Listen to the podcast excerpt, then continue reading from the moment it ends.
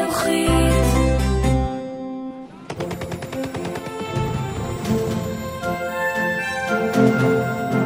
Es lebe Deutschland!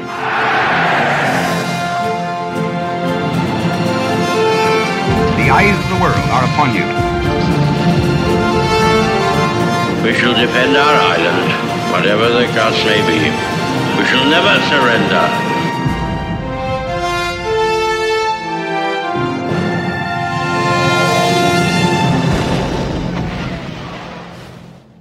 ברוכים הבאים לפודקאסט מלחמת העולם השנייה של החינוכית. אני יובל מלכי. פרק מספר 11, פרל הרבור. בשנת 1940 גברה המתיחות בין ארצות הברית ליפן, כיוון שארצות הברית סירבה לחתום עם יפן על הסכם סחר חדש. ארצות הברית דרשה מיפן להפסיק את כיבושיה בסין ולהכיר בצ'נקאי שק כמנהיג הרשמי של סין. בקיץ 1941 הקפיאה ארצות הברית את נכסיה של יפן, בתגובה להשתלטותה על שטחים נוספים. ארצות הברית הייתה אחת היצואניות הגדולות ליפן, וללא סחורה מארצות הברית, היפנים היו בבעיה גדולה. ליפנים לא הייתה דרך להיחלץ מהמצב שאליו נקלעו, ובתגובה החליטו להוציא את ארצות הברית מהמלחמה במהלך חד צדדי ויעיל, השמדת הצי האמריקני באוקיינוס השקט.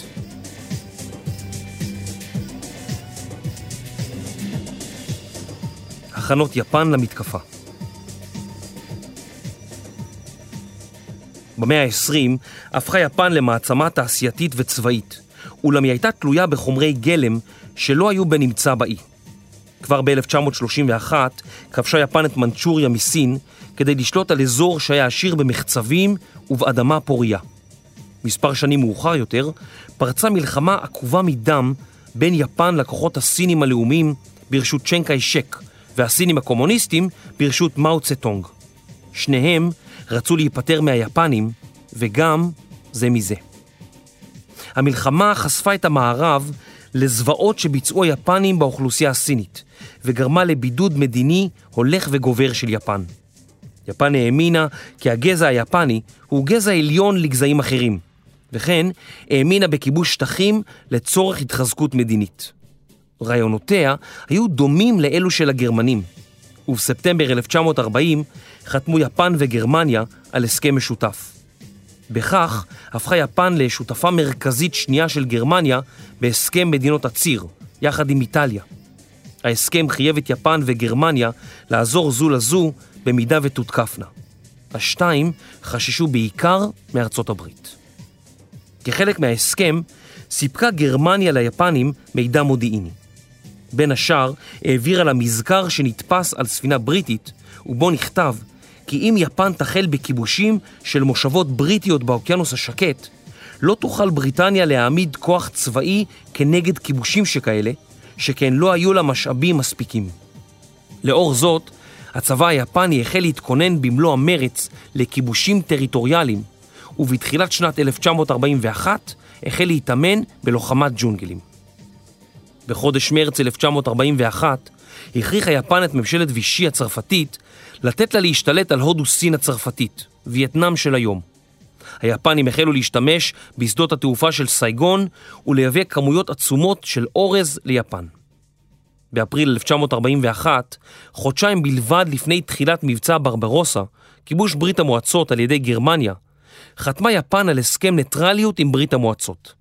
ההסכם התאים לשתי המדינות, שכן סטלין לא היה מעוניין לפתוח במלחמה מול היפנים, והיפנים רצו להשתלט על אזורים עשירים במחצבים טבעיים בדרום מזרח אסיה, מבלי שהסובייטים יתערבו. המושבות הקולוניאליות הבריטיות היו עשירות במחצבים, והיפנים לטשו עיניים לעבר בורמה, מלזיה, סינגפור, איי הודו המזרחית, כיום אינדונזיה, והיהלום שבכתר, הודו. יפן גם לטשה עיניים אל עבר הפיליפינים, שהייתה בת חסותה של ארצות הברית. ולמה לא?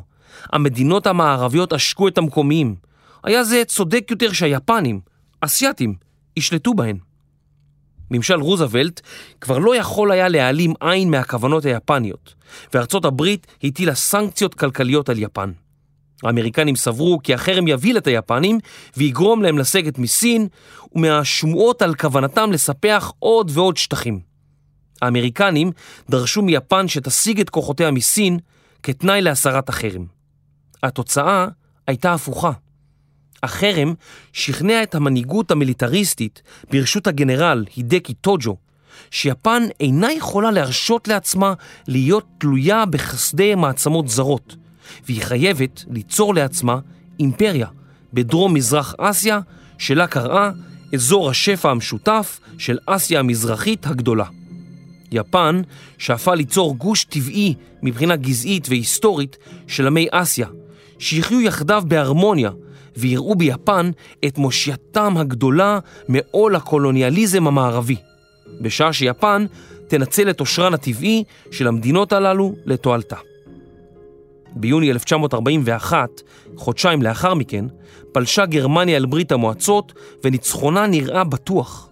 היפנים תהו מה לעשות והחליטו שעליהם לסיים את כיבושיהם ההכרחיים באסיה ורק לאחר מכן התפנו לחשוב מה עושים בעניין רוסיה.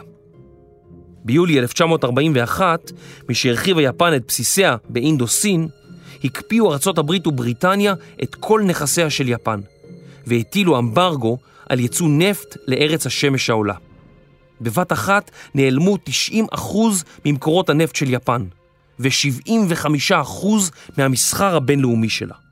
היפנים הבינו כי ייאלצו להיענות לדרישות ארצות הברית, לסגת מסין ולספוג תבוסה מבישה בעיני העולם ובעיני עצמם. היפנים, שחינכו את ילדיהם לגאווה לאומית ואישית, לא יכלו לשאת השפלה פומבית שכזאת. הגנרל הלוחמני טוג'ו, שהיה אחראי על מדיניות החוץ היפנית בשלב זה, ראה בדומה לשאר היפנים בפגיעה ביפן כעילה להכרזת מלחמה. הוא האמין שארצות הברית לא תרצה לפתוח מלחמה בחזית המזרחית כל עוד היא עלולה להימשך לחזית המערבית באירופה נגד הגרמנים. מתקפה גדולה שתביא לחיסול הצי האמריקני היה הימור ששווה לקחת. בקיץ 1941 גייסו היפנים מיליון חיילי מילואים שנשלחו לסין כדי לפנות את הצבא הסדיר. יפן עמדה לפתוח במלחמה עצומה בגודלה בדרום מזרח אסיה, מול מדינות שלא רצו להילחם בחזית נוספת. החיילים היפנים זמזמו לעצמם את שיר הלכת אומי יקובה.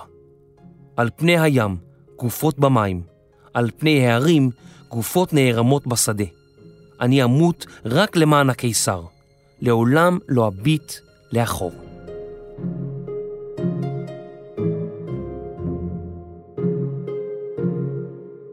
פרל הרבור בחודש אוקטובר 1941 עלה הגנרל טוג'ו, הנודע בכינוי הטאר, לשלטון ביפן. תוך שלושה שבועות מרגע עלייתו לשלטון, השלימה המפקדה הצבאית הקיסרית תוכנית למתקפת פתע על בסיס חיל הים בפרל הרבור, מעגן הפנינים בעברית, שנמצא בהוואי. היה זה הבסיס האמריקני הגדול ביותר באוקיינוס השקט.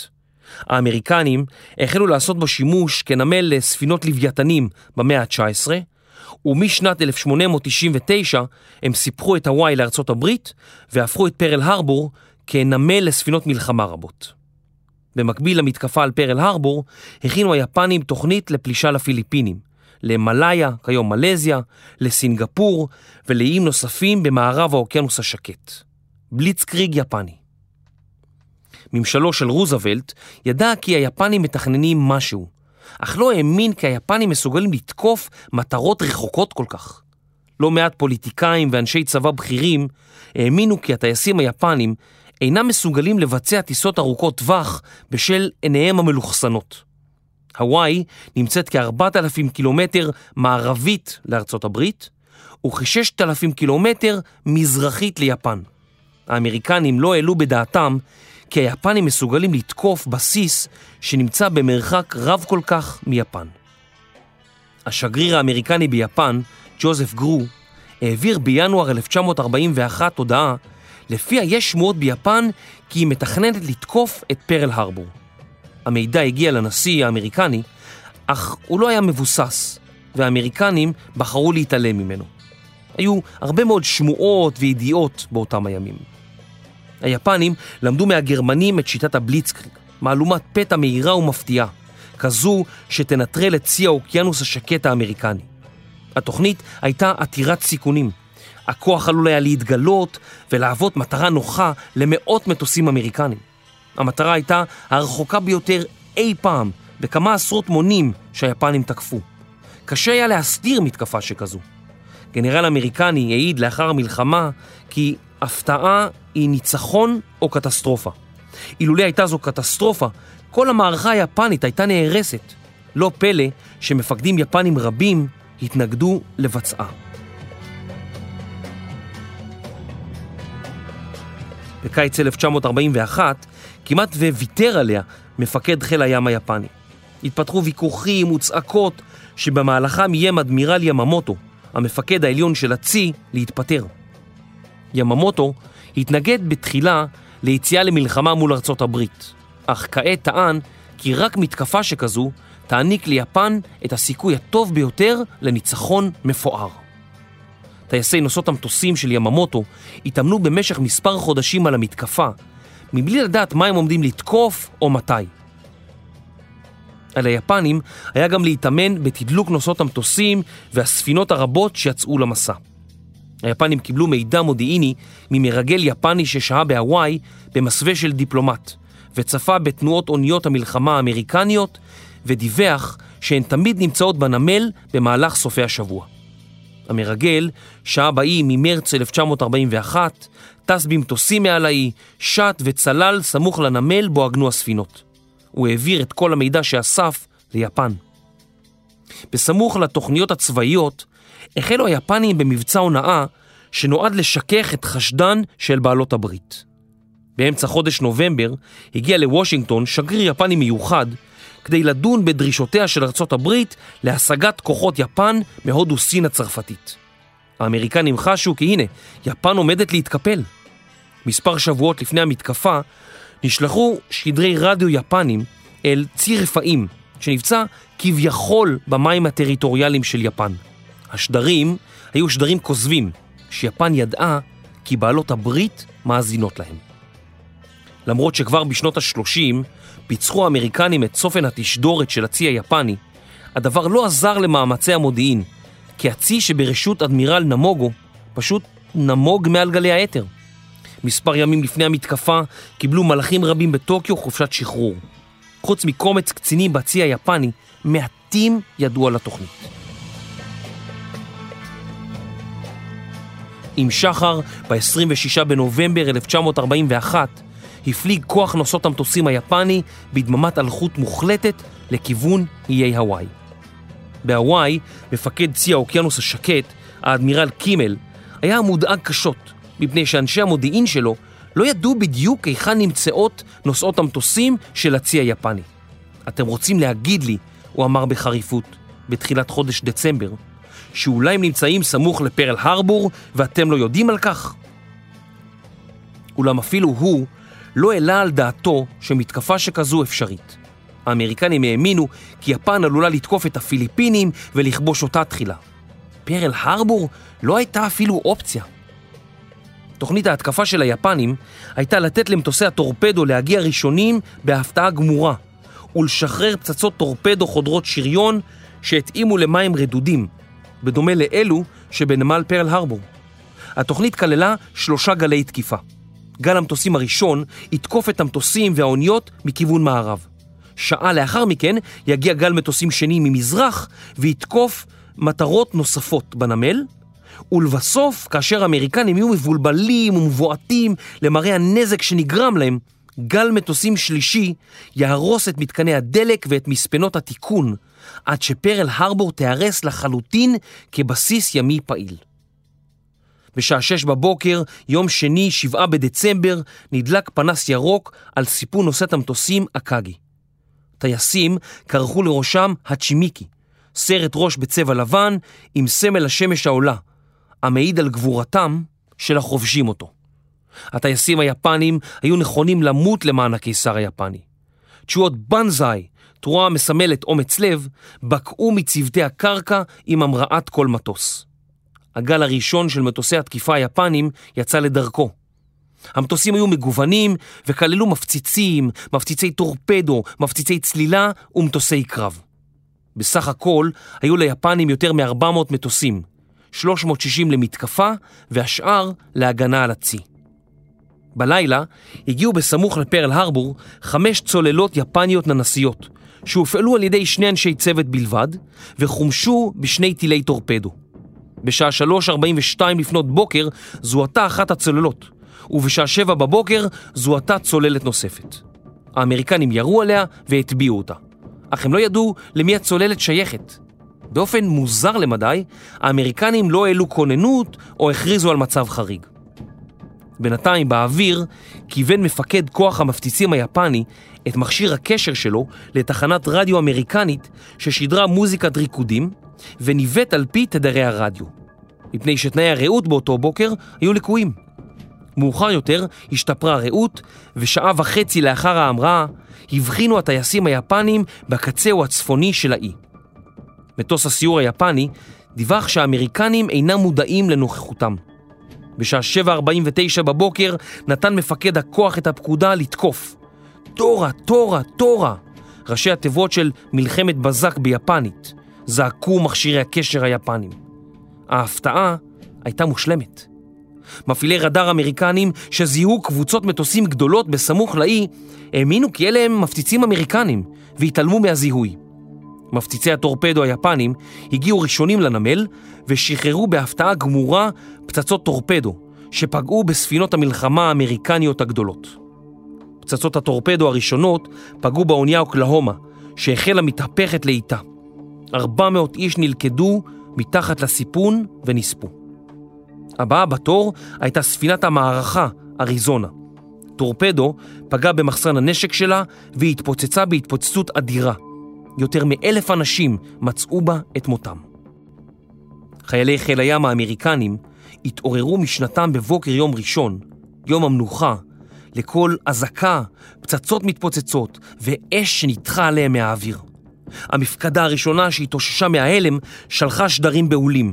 מתקפה אווירית על פרל הרבור, זו איננה תרגולת. חיילים אמריקנים רצו לעמדות הנ"מ והחלו לירות על גלי המטוסים היפנים. קבוצות של מפציצי צלילה תקפו את שלושת שדות התעופה הסמוכים לנמל כדי להשמיד כמה שיותר מטוסים ומסלולי המראה. מפציצי הצלילה מצאו את צוותי הקרקע והטייסים האמריקנים באמצע ארוחת הבוקר. המטוסים החונים היוו מטרות קלות לטייסים היפנים. כמעט שעה אחרי התקיפה הראשונה הגיע גל המפציצים השני וברשותו מאות פצצות. המטוסים הגיעו ממספר כיוונים במקביל ובדיוק מושלם. משימתם הייתה קשה יותר בגלל העשן הסמיך שעלה מהאוניות הטובעות ומאש הנ"מ שנורתה לעברם. האדמירל נגומו התלבט אם לשלוח את גל המפציצים השלישי שהיה אמור לתקוף את מאגרי הדלק ומספנות התיקון של הצי האמריקני. הגנרל חשש מפני התקפת נגד אמריקנית על מטוסיו ועל נוסעות המטוסים, ולבסוף החליט שלא לשלוח אותו. הריסת מתקני הדלק, ובעיקר מספנות התיקון, הייתה אומנם גורמת לצי האמריקני נזק אדיר לטווח ארוך, אך נגומו חשש כי רבים מהמטוסים לא ישובו.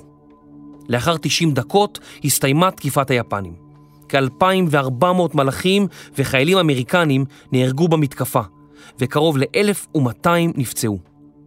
18 ספינות הוטבעו או ניזוקו, וביניהן חמש אוניות מערכה. אוניות המלחמה הגדולות ביותר בצי הימי. האמריקנים גם איבדו קרוב ל-200 מטוסים. היפנים חזרו מאושרים לספינותיהם. מבין 360 המטוסים, היפנים איבדו רק 29. האש בפרל הרבור בערה כשבועיים נוספים. ארצות הברית הייתה המומה, פצועה וכואבת. אך הייתה נקודת אור אחת במתקפה.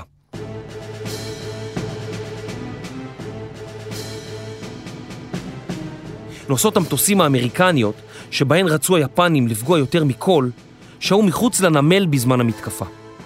מזג אוויר סוער גרם לצי נוסעות המטוסים לשהות בים יותר משתכננו, והם לא חזרו לבסיס עד הערב שלאחר המתקפה. בשעה שאנשיהם חגגו והשתכרו מסאקה, הבינו האדמירלים היפנים כי למרות שהשמידו ספינות רבות ועצומות של הצי האמריקני באוקיינוס השקט, וייקח לו זמן רב להתאושש, הצי לא הושמד כליל. שמונה הסיירות הקטנות יותר לא נפגעו, כמו גם שלוש מתוך שמונה סיירות המערכה הגדולות. יתרה מזאת, הבסיס הימי והמספנות, שם ניתן היה לתקן את הספינות הפגועות וספינות שייפגעו בעתיד, נשאר שלם. ששמע אדמירל יממוטו כי ההתקפה על פרל הרבור לא השיגה את כל היעדים שנקבעו לה, כתב לידיד. אין איש צבא יכול להתגאות על שהיכה את האויב בשנתו. זה יותר עניין של בושה למי שהוכה. הייתי מעדיף שתמתין בהערכתך מה יעשה האויב, כי אין ספק שהוא יקום זועם ונסער, וישגר בקרוב התקפת נגד נחושה. נוסעות המטוסים הפכו חשובות יותר ויותר בעקבות שיפור ביכולתם של המטוסים. המטוסים יכלו לשאת פצצות גדולות יותר למרחק רב יותר. הם יכלו להטיל את הפצצות בדיוק רב יותר, וניתן היה לשנות את משימתם באמצע קרב. המטוסים יכלו גם לחפש ולאתר צוללות, להזהיר את הצי אותו ליוו ולגרום לו לשנות את מסלולו, וכמובן להשמיד את צוללות האויב. נוסעות המטוסים הפכו במלחמת העולם השנייה לנשק היעיל ביותר בים. ההתקפה על פרל הרבור לא השאירה לארצות הברית ברירה. למחרת התקיפה נאם רוזוולט בקונגרס. Yesterday, December 7th, 1941, a date which will live in infamy.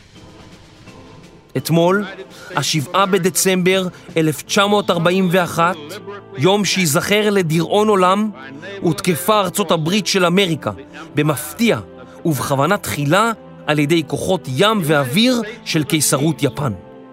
המשפט יהפוך עד מהרה לאחד המשפטים הזכורים ביותר בהיסטוריה של ארצות הברית.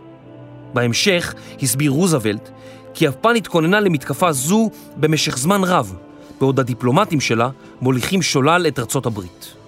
רוזוולט המשיך. אתמול פתחה ממשלת יפן גם במתקפה נגד מלאיה. אמש תקפו כוחות יפנים את הונג קונג. אמש תקפו כוחות יפנים את גואם. אמש תקפו כוחות יפנים את איי הפיליפינים.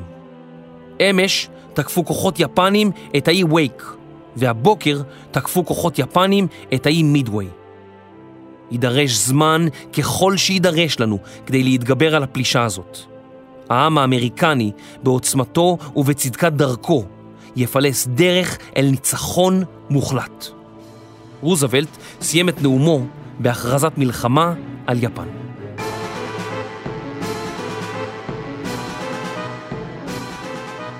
שלושה ימים לאחר מכן, בנאומו ברייכסטאג, הכריז היטלר מלחמה על ארצות הברית, והעלה על נס את קשיחותה חסרת המעצורים של יפן. היטלר הגדיר את אמריקה כאומה של קושונים ויהודונים, זלזל בכוחה הצבאי והתעשייתי של ארצות הברית, וראה בהכרזת המלחמה המשך טבעי של התפתחות העימות הכללי. בשלב זה, המלחמה באירופה נהפכה לעימות כלל עולמי, והענק האמריקני נכנס במלוא זעמו לזירה. עתידן של בריטניה וברית המועצות עדיין היה לוט בערפל. כניסתה של ארצות הברית למלחמה הפיחה רוח תקווה ברבים. יפן גרמה להם לחשוש. עונת הניצחונות של יפן האמריקנים והבריטים שהתגוררו במושבות באסיה חיו חיים נוחים ושלווים. מהנדס צ'כי תיאר את התושבים הלבנים כאנשי פומפי המודרניים, השקועים במסיבות ובתענוגות שלהם. הבריטים דאגו שלא להתערבב עם האוכלוסייה המקומית או אוכלוסייה שהייתה תחת כיבושם. והודים למשל, לא הורשו להיכנס למועדונים של הבריטים או אפילו לנסוע לצידם באותו קרון ברכבת. קארי ותה פשוט לא הולכים ביחד. כדי להגן על קווי האספקה שלהם ולהשמיד בסיסים צבאיים אמריקניים ובריטים באזור, פתחו היפנים במתקפה נגד קולוניות אסטרטגיות. הם תקפו את האי גואם, שנמצא כ-2,300 קילומטרים דרומית ליפן, והאי וייק, שנמצא יותר מ-3,000 קילומטרים דרום-מזרחית ליפן, וכ-3,700 קילומטרים מערבית להוואי. פחות או יותר באמצע הדרך בין יפן להוואי. באי גואם שכנה טייסת אמריקנית, והאי נכבש מיד לאחר המתקפה על פרל הרבור. חיל מצב באי וייק, נלחם נגד היפנים והצליח לגרום להם קרוב לאלף אבדות, לעומת כ-50 בלבד שלהם. החיילים האמריקנים באי נכנעו לאחר מספר שבועות של לחימה. היפנים כבשו גם את הונג קונג, מושבה בריטית בדרום סין. מושבה בריטית נוספת הייתה במלאיה, כיום שטחים שעליהם שולטות תאילנד, סינגפור ובעיקר מלזיה. גם את מלאיה תקפו היפנים. צ'רצ'יל קיבל החלטה אסטרטגית לרכז את הכוחות הטובים ביותר של האימפריה בקרבות במזרח התיכון ובאוקיינוס האטלנטי, ולפיכך הקולוניות באסיה סבלו מחוסר בציוד וכוח אדם. ההגנה האווירית של מלאיה כללה 145 מטוסים בלבד, רובם ישנים ובשום קנה מידה לא היוו איום לטייסים היפנים המנוסים שהטיסו את מטוסי המיצובישי זירו שלהם. ב-8 בדצמבר 1941 תקפו היפנים את מלאיה מהאוויר ומהקרקע והביסו שוב ושוב את היחידות הבריטיות שניסו להתנגד.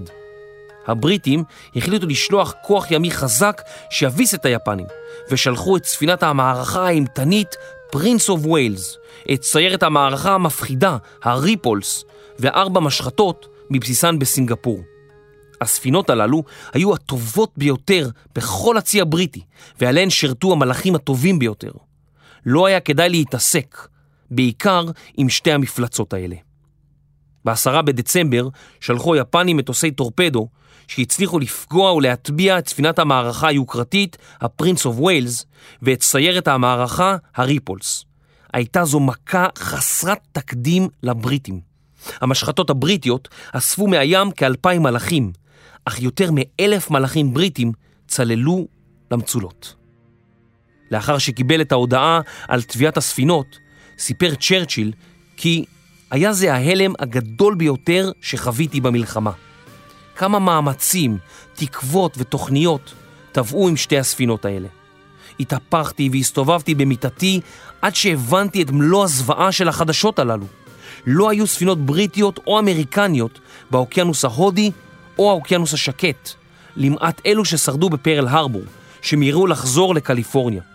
בכל מרחב המים העצום הזה, יפן הייתה השליטה העליונה, ואנחנו, בכל מקום, היינו חלשים ועירומים.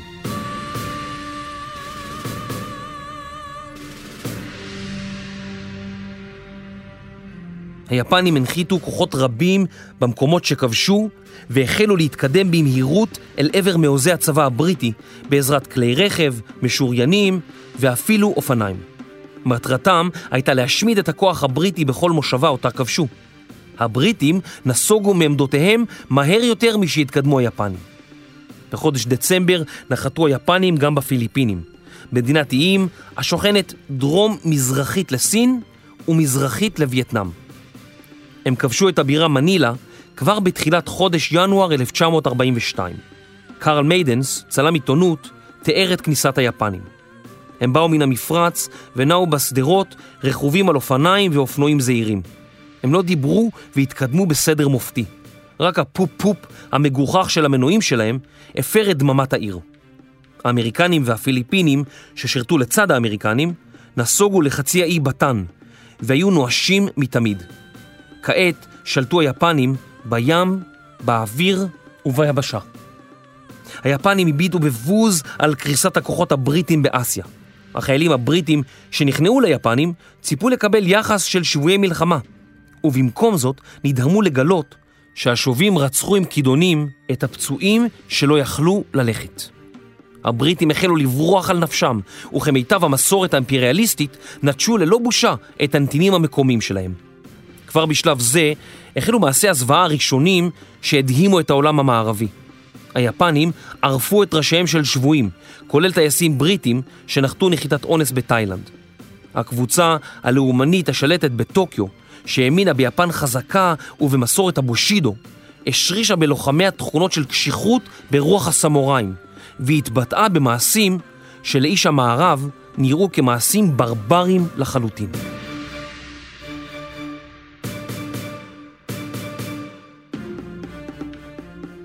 מחנות השבויים היפנים. בתחילת המלחמה, 120 אלף תושבים ממוצא יפני התגוררו בחוף המערבי של ארצות הברית. רובם אף התחנכו באמריקה.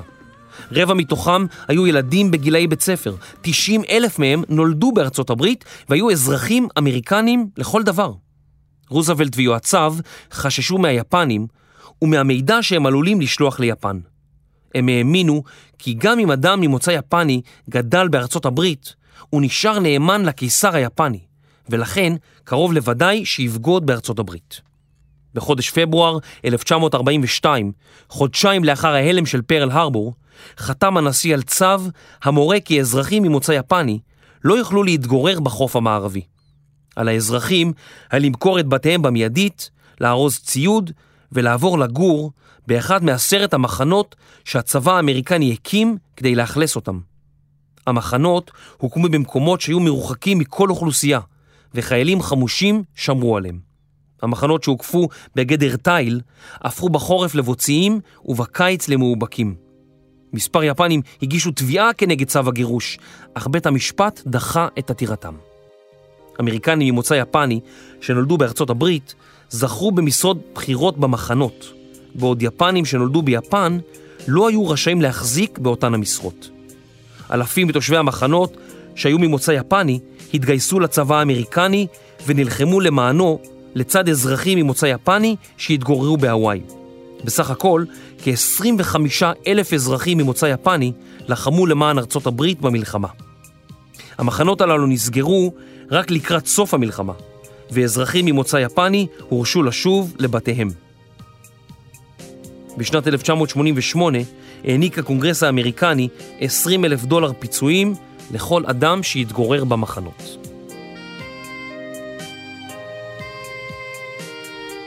ב-8 בפברואר 1942 נחתו היפנים בסינגפור. מפקד הכוח הבריטי פיזר את 130 אלף חייליו לאורך החוף כדי להגן על האי. היפנים מנו כרבע מהכוח הבריטי וחסרו להם אוכל ומים. למרות זאת, היפנים דהרו אל עבר הכוחות הבריטים שנסו על נפשם. צ'רצ'יל שיגר הודעה דרמטית למפקדי הכוח בסינגפור והפציר בהם לעשות ניסיון אחרון להציל את סינגפור. בשלב זה אין לחשוב כלל על הצלת הכוחות ואין לחוס על האוכלוסייה האזרחית. יש לנהל את הקרב עד הסוף המר, ובכל מחיר. על המפקדים והקצינים הבכירים למות עם חייליהם. כבודה של האימפריה הבריטית וכבוד הצבא בסכנה. ב-15 בפברואר נכנע מפקד הכוח ומסר את סינגפור ליפנים. הנסיגה בסינגפור הייתה מבישה, ועד היום היא נחשבת לאבן דרך בהיסטוריה של האימפריה הבריטית. דוחות בריטים שנכתבו על הקרב האשימו דווקא את החיילים האוסטרליים שברחו מהיפנים. אם נכון הדבר או לא, האימפריה הבריטית החלה להתפרק.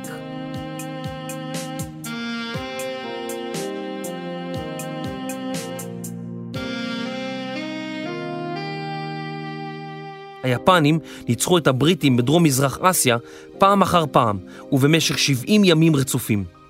היפנים גם החלו לגייס לצבא הודו הלאומי חיילים מקרב ההודים השבויים במטרה להילחם בבריטים למען עצמאותם. ימים אחדים לאחר נפילת סינגפור כבשו היפנים את איי אינדונזיה ללא התנגדות ממשית. כמעט כל הכוח הימי של בעלות הברית באיי הודו המזרחית ירד למצולות בפחות משבוע אחד. בבת אחת הפך החייל היפני בעיני המערב מאננס אוריינטלי עקום ברכיים וקצר רועי לחייל אמיץ לב ומרתיע שאין שום דרך להכניעו. במרץ ובאפריל תקפו היפנים את ציילון, היום סרי לנקה, והטביעו את נושאת המטוסים הבריטית הרמס. מאות מלאכים בריטים מצאו את מותם באירוע. היפנים המשיכו לתקוף ספינות בריטיות והטביעו את המשחטת טנדוס ושתי אוניות מלחמה נוספות. בחודשים מרץ ואפריל הוטבעו ספינות בריטיות זו אחר זו. האסון הבריטי במזרח הרחוק הלך והתעצם. מעודדים מניצחונותיהם פנו היפנים לכבוש את בורמה הבריטית כדי להשתלט על מקורות הנפט והמשאבים הטבעיים שלה. בורמה גם הייתה סמוכה להודו. היפנים חסמו את דרך בורמה לסין, דרך שהובילו בנשק ששימש את הצבא הסיני במלחמתו נגד יפן. לאחר שהחלו ליפול פצצות על עיר הבירה רנגון, החלה בריחת אזרחים המונית, האספקה לעיר שובשה והשלטון הקולוניאלי התמוטט. היפנים קיבלו את תמיכתם של לאומנים בורמזים שחיבלו בקווי האספקה הבריטים בתקוות שווא תמימה שבורמה תקבל עצמאות אמיתית מידי טוקיו. הכפריים הבורמזים קיבלו את היפנים בפרחים. הבריטים נסוגו לכיוון הודו, והודות לעזרה מגדודיו הסינים של צ'נקאי שק, הצליחו להימלט מהיפנים. במרץ נפלה גם בורמה, והשער ליהלום שבכתר, הודו, היה פתוח. נפילת בורמה גרמה להחמרת בידודה של סין, כיוון שמעתה קיבלה אספקה למלחמתה ביפן רק מטייסי חיל האוויר האמריקני, שהיו די עסוקים בשלב זה של המלחמה. האימפריה הבריטית בדרום מזרח אסיה, כפי שהייתה מזה 200 שנה, חדלה להתקיים. הלילה ירד על האימפריה הגדולה, שבה השמש לא שקעה לעולם.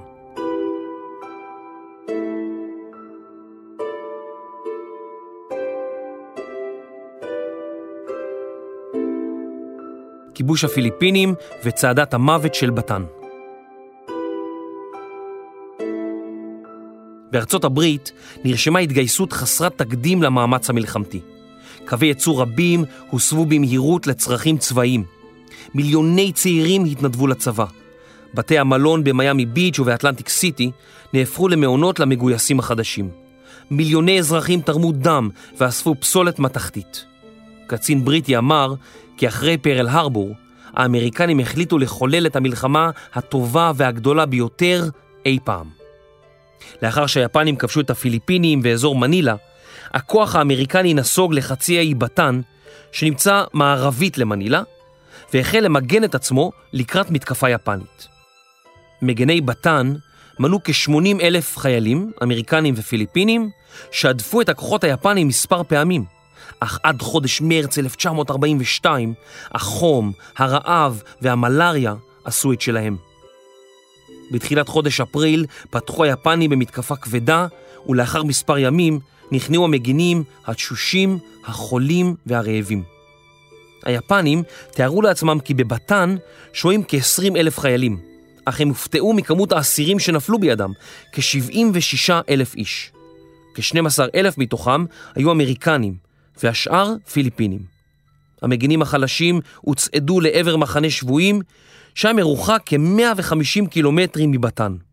היפנים עשו שימוש בפיליפינים לאימון נעיצת כידונים וטבחו מאות מהם בדרך. צועדים שניסו לשתות מים בצידי הדרך נרצחו באכזריות. אל הצעדה הצטרפו שבויים אחרים שנכנעו והלכו גם הם וכיוון מחנה השבויים. מריון ג'ון פולקובסקי ממישיגן צעד בצעדת המוות של בטן וסיפר בעוד חבריי מתו סביבי, חבריי השאירו אותי בחיים, ועל כך אני מוקיר תודה. לולא הם, לא הייתי שורד את הצעדה. משהגיעו השבויים אל תחנת הרכבת, חלקם נדחס בצפיפות בתוך קרונות שלא היו יכולים לזוז בהם. רבים לא שרדו את הנסיעה של 40 הקילומטרים בתנאים הקשים. אסירים אחרים הוכרחו להמשיך ולצעוד עד למחנה. כשבוע לאחר שהחלו בצעדה, הגיעו השבויים למחנות חולים ותשושים. מאות מהם המשיכו למות בכל יום.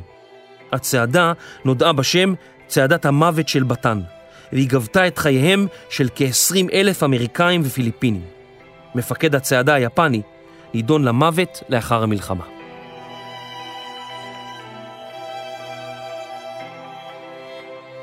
בחודש פברואר נמלטו הנשיא הפיליפיני ומשפחתו מהאי אל עבר ארצות הברית.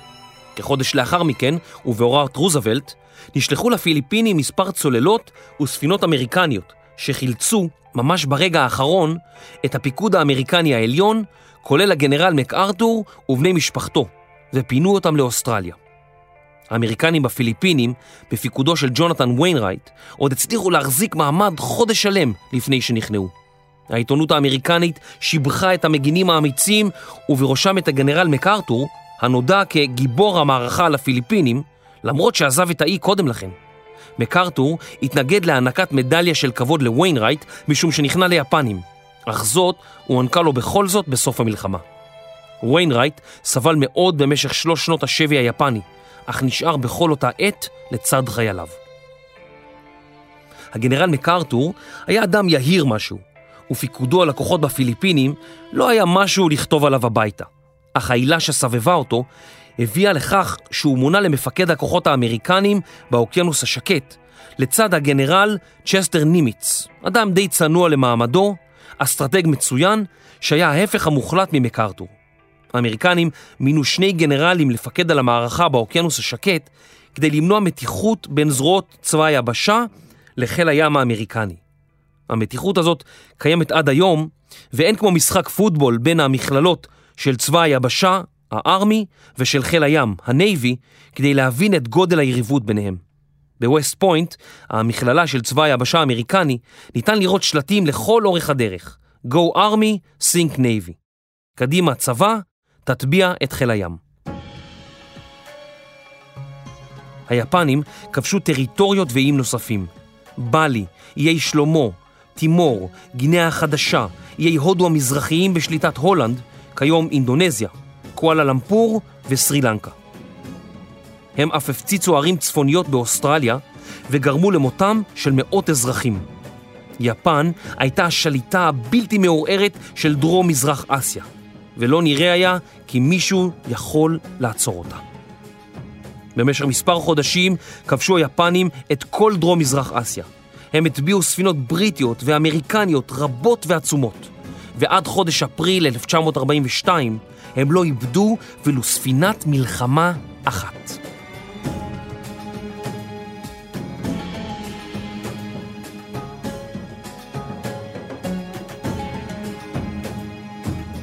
קרבות ים האלמוגים ומידווי.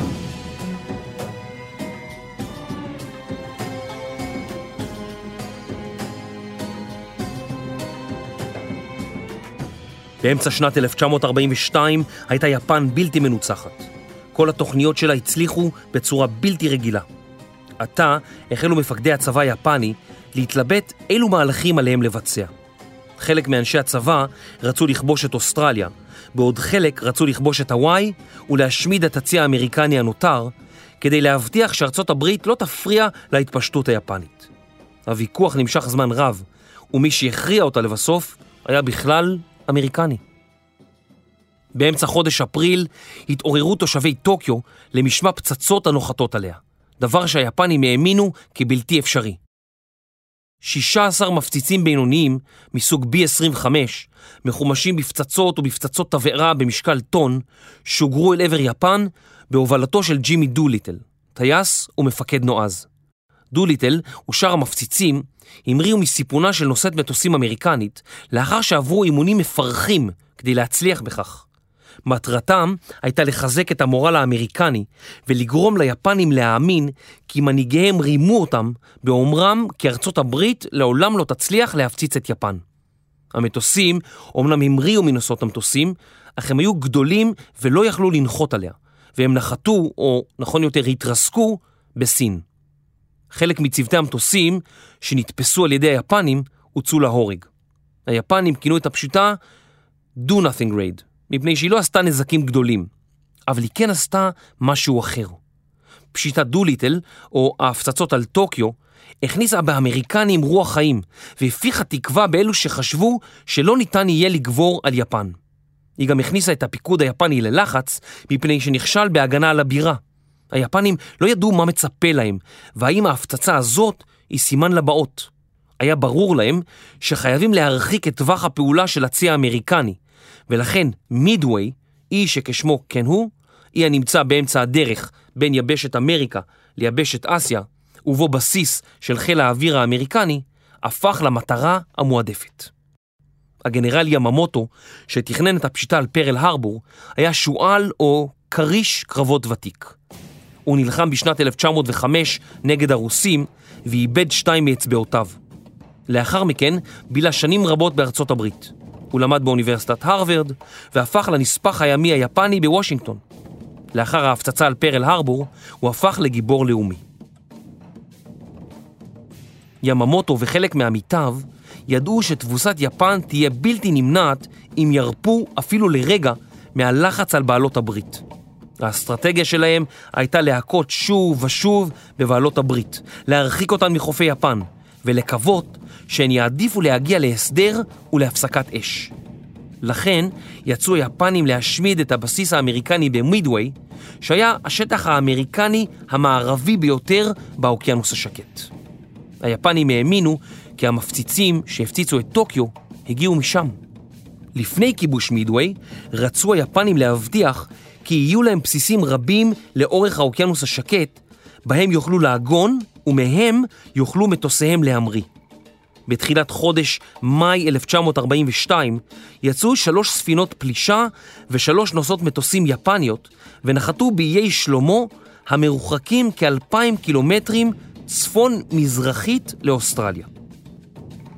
היפנים לא היו מודעים לדבר אחד.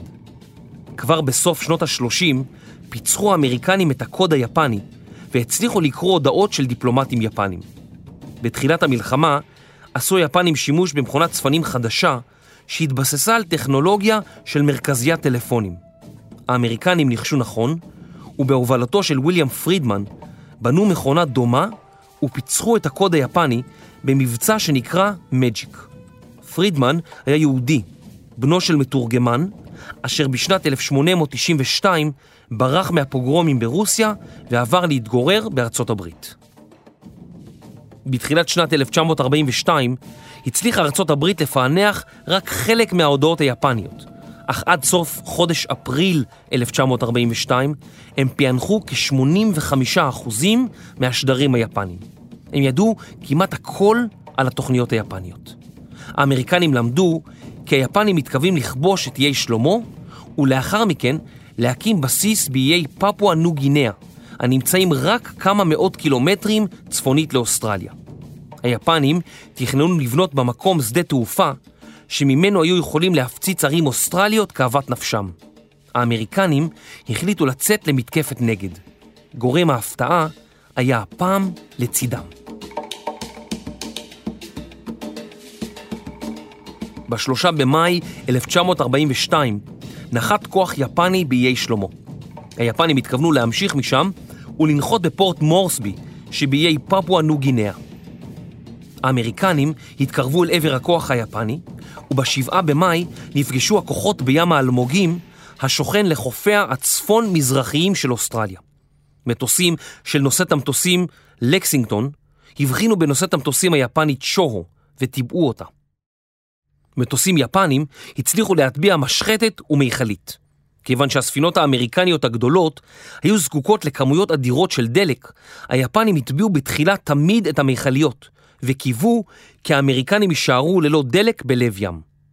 בשארית היום קדמו האדמירלים היפני והאמריקני למגע, אך ללא הצלחה. למחרת החל קרב עקוב מדם, שבו מטוסים משני הצדדים הפציצו ללא הפסקה את האוניות. האמריקנים פגעו בנושאת המטוסים היפנית שוקקו, אך לא הצליחו להטביע אותה, ואילו היפנים פגעו בנושאות המטוסים יורקטאון ולקסינגטון. ימאי אמריקני סיפר כי היה זה די מייאש לראות את היפנים האלה משחררים את הטורפדו שלהם ולאחר מכן טסים בגובה נמוך כדי להציץ מה קורה. הם היו סקרנים ונראה היה כאילו לעגו לנו. כיוונו עליהם את המקלעים, אך לא פגענו.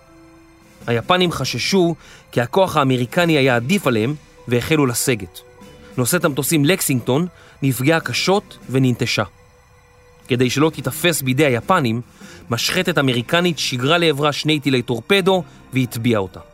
האמריקנים איבדו יותר מ-500 חיילים, 60 מטוסים ושלוש ספינות. אחת מהן נושאת מטוסים. היפנים איבדו יותר מ-100 איש ו-77 מטוסים. היפנים שמחו כי הצליחו להטביע נושאת מטוסים, מיכלית ומשחטת, ואילו האמריקנים שמחו כי מנעו פלישה יפנית לפפואה ניו גינאה. שני הצדדים האמינו כי ניצחו בקרב.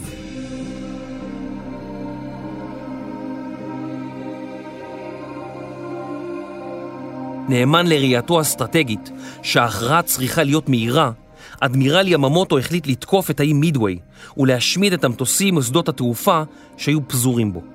האמריקנים שירתו את השדרים היפנים גילו זאת והורו לכל ספינותיהם לחזור במהירות לבסיסם בפרל הרבור.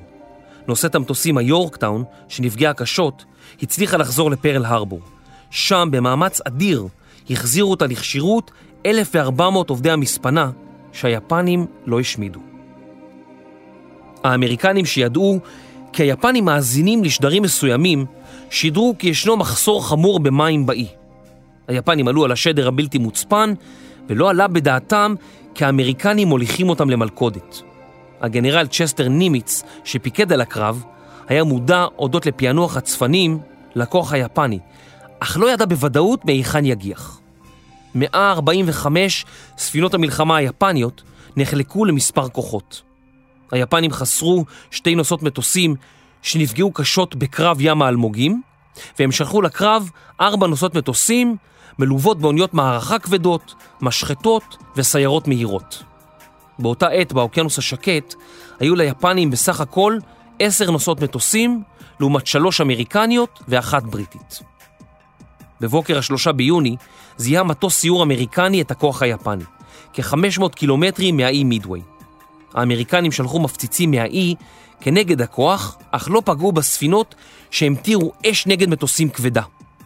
היפנים ציפו לזאת. יום למחרת תקפו היפנים את מידווי בעזרת יותר מ-100 מטוסים. האמריקנים הצליחו להפיל עשרות מטוסים ולגרום להם נזק.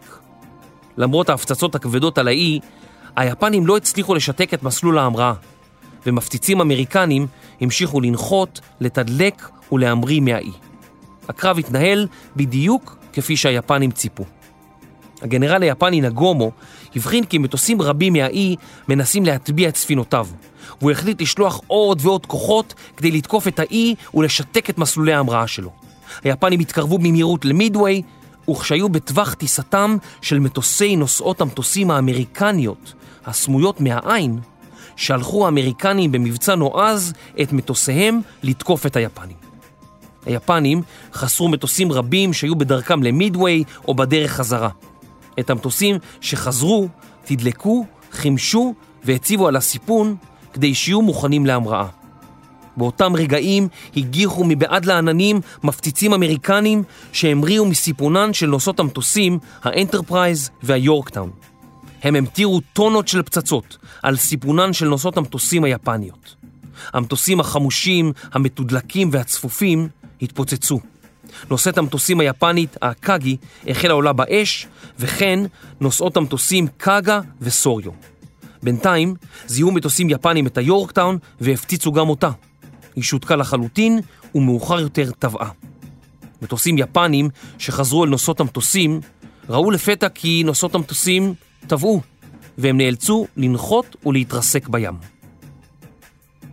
האמריקנים תקפו את היפנים שוב ושוב.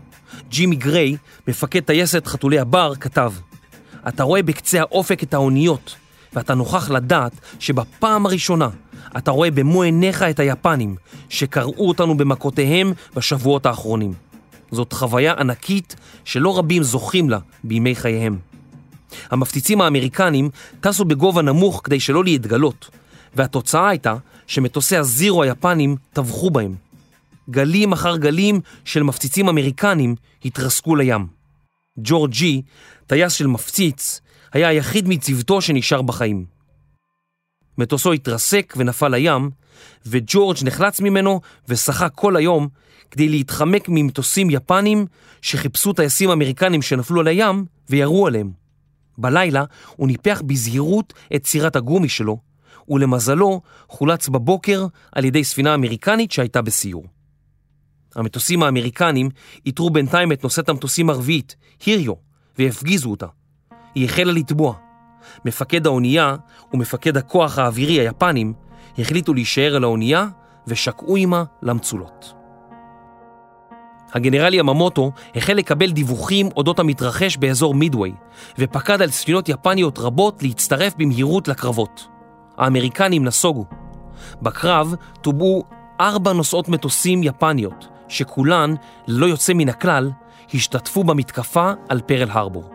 זה היה כמעט חצי מצי נוסעות המטוסים של יפן, עליהן נבנתה האסטרטגיה היפנית בים. היפנים איבדו בקרב גם למעלה משלושת אלפים לוחמים לעומת כ-300 הרוגים אמריקנים. הם איבדו 250 מטוסים לעומת 150 מטוסים אמריקנים. האמריקנים איבדו רק נושאת מטוסים אחת, וחשו כי הייתה זו נקמה ראויה על הפעולה היפנית בפרל הרבור. שבויים יפנים הובלו לפרל הרבור, שם קיבלו טיפול רפואי הולם. שבויים אמריקנים עונו למוות על ספינות יפניות והוצאו להורג. תוצאות הקרב הוסתרו מהעם היפני, ובחדשות ביפן הוכרז על ניצחון גדול. אולם לב ליבו של הצי היפני, האוניות הטובות ביותר, החשובות ביותר, עם הטייסים והמלאכים הטובים ביותר, עבדו ללא שוב. למרות הכל, לא היה זה הקרב האחרון באזור. נהפוך הוא, לאחר הניצחון האמריקני, החלו שני הצדדים לרקום תוכניות חדשות וקטלניות. שתיהן עדיין לא אמרו את המילה האחרונה.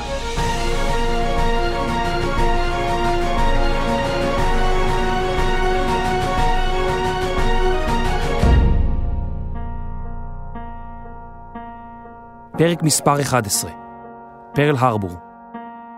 מחקר כתיבה ועריכה, קרני דינטי ויובל מלכי. מפיק ראשי, רני שחר. עריכת לשון, דינה בר מנחם. עריכת סאונד, סוף הסטודיו. אחראית מטעם החינוכית, שרון ויינברג שפיגלר. שותפי הפקה, פודקאסט ישראל בע"מ. הפקה, קטעים בהיסטוריה. נשתמע בפרק הבא. אני יובל מלכי. מלחמת העולם השנייה, פודקאסט של החינוכית.